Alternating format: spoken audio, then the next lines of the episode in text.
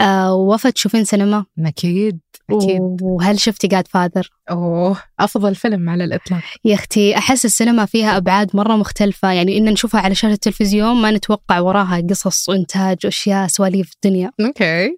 فهالفترة قاعدة أشوف مسلسل وثائقي اسمه The Offer وقاعد يوثق آه كيف المخاوف والصعوبات اللي واجهوها ورا كواليس The Godfather يا سلام.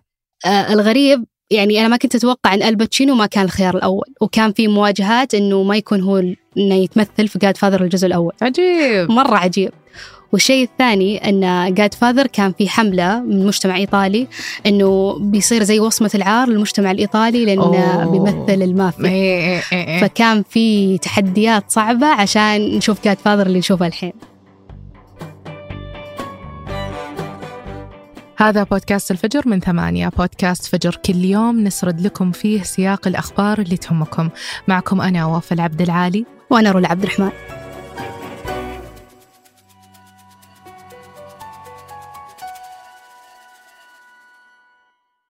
قهوة الصباح وأجود محاصيل البن المختص تلاقيها في خطوة جمل. اعرف أقرب فرع لك من الرابط في وصف الحلقة.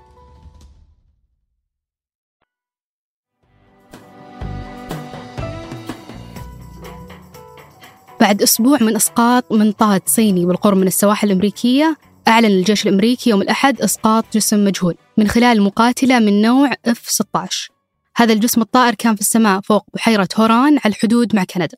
وصدر قرار إسقاط المجسم بأمر مباشر من رئيس جو بايدن. وتعتبر العملية هي الرابعة من نوعها خلال أسبوع. وبسببها تم إغلاق المجال الجوي في ولاية مونتانا الأمريكية السبت الماضي بشكل مؤقت. وأعلن رئيس الوزراء الكندي جاستن ترودو أن المحققين الكنديين يبحثون عن حطام هالجسم الطائر الغامض اللي أسقطه سلاح الجو الكندي. وذكر ترودو للصحفيين أنه أمر بإسقاط جسم غامض لأنه كان يمثل تهديد لأمن الرحلات الجوية المدنية.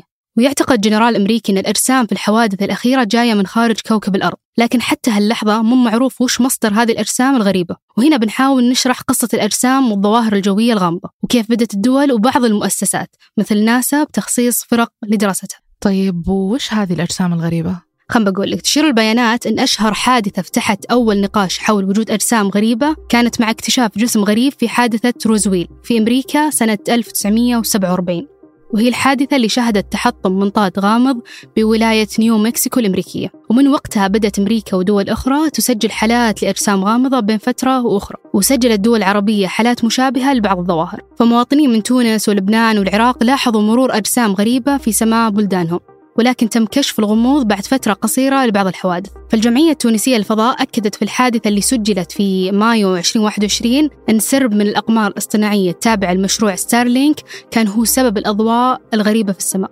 عموما اللي أثار النقاش بشكل موسع بالسنوات الأخيرة هو تقرير مثير لوزارة الدفاع الأمريكية نشروه في يونيو 2021 التقرير هذا اللي كان لفترة سري كشف عن حوادث جوية غامضة وعلاقتها المحتملة بظواهر غير طبيعية والتقرير اعترف بعجز أمريكا بتفسير هالظواهر وبالمقابل أعلن أن هالظواهر تمثل خطر على سلامة الطيران وتشكل تحدي للأمن القومي الأمريكي. والأجهزة الأمريكية سجلت ما لا يقل عن 100 حادثة لأجسام غريبة تطلع وتختفي فجأة. ولكنها عجزت عن تتبعها أو تحديد مصدرها. والبنتاغون اعتمد على 144 تقرير من بينها 88 حادثة سجلوها من خلال أجهزة استشعار. وبالعموم التقييم ما وضح أصل أو مصادر هذه الأجهزة الطائرة. ولكن بعد إسقاط الجيش الأمريكي للمنطاد الصيني هالشهر ذكرت القيادة الشمالية الأمريكية وقيادة الدفاع الجوي الفضائي أن ما يستبعد أن هالأجسام من خارج كوكب الأرض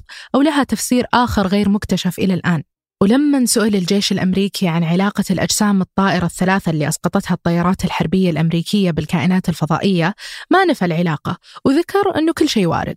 وإلى الآن في غموض كبير حول الحادثة الأخيرة بسبب طريقة تعامل إدارة بايدن مع الأجسام المجهولة. لكن أهم ما ظهر لنا أن الأجسام الأخيرة اللي سقطت فوق كندا وألاسكا تختلف عن المنطاد الصيني اللي سقط قبل أسبوع وتعتبر أصغر منه بكثير. بس أمريكا ما تقدر تسوي مقارنة دقيقة بينهم بحيث أنها تسترجع حطام البالون والأجسام الغريبة هذه.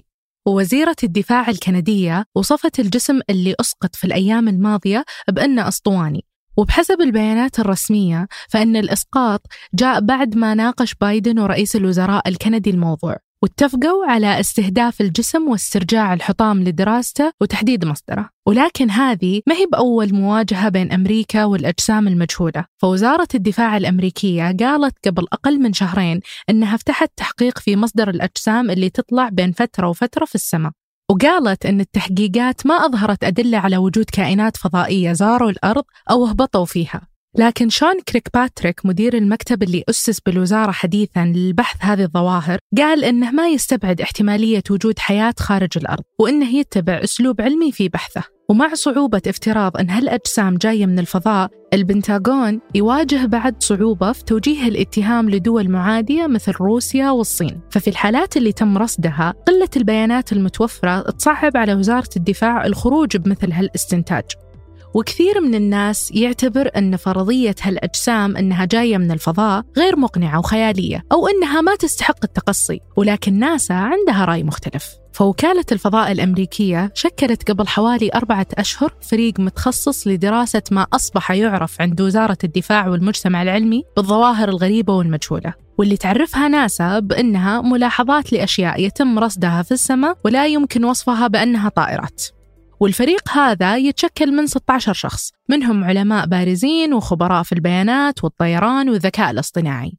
وهدف الفريق الأساسي هو تقييم هذه الظواهر المجهولة وأنهم يطلعون بتفسيرات مقنعة لها. والفريق هذا بدأ في أواخر أكتوبر العام الماضي وبيستمر في دراسة هذه الظواهر لمدة تسع شهور.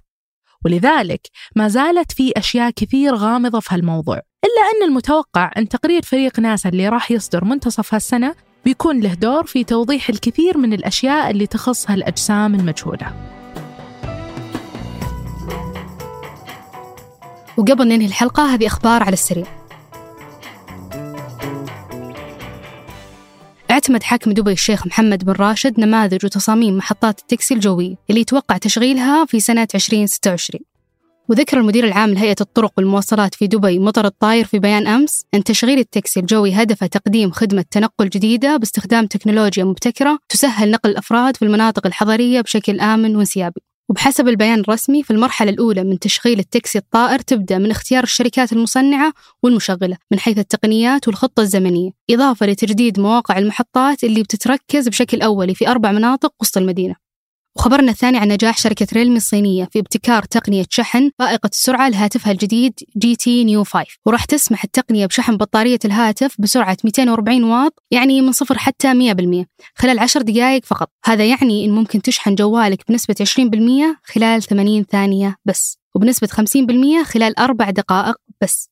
الشركة الصينية أكدت أن بطارية هاتفها الجديد تقدر تكمل 1600 عملية شحن كاملة من صفر إلى 100% مع الحفاظ على 80% من كفاءة عمر البطارية. وتبدأ أسعار الهواتف الجديدة الإصدار ال 240 واط من 3199 يوان تقريبا 470 دولار. ذكرت بلومبرج أن قطر تستعد من خلال صندوقها السيادي جهاز قطر للاستثمار في تقديم عرض لشراء نادي مانشستر يونايتد الإنجليزي نهاية هذا الأسبوع. وحتى الآن غير واضح قيمة العرض اللي بتقدمه قطر إلا أن آدم سومرفيلد المتخصص في الاستثمار الرياضي قدر أن أي عرض بيقدمونه لمانشستر يونايتد حتى يكون ناجح لازم يزيد على 4.8 مليار دولار.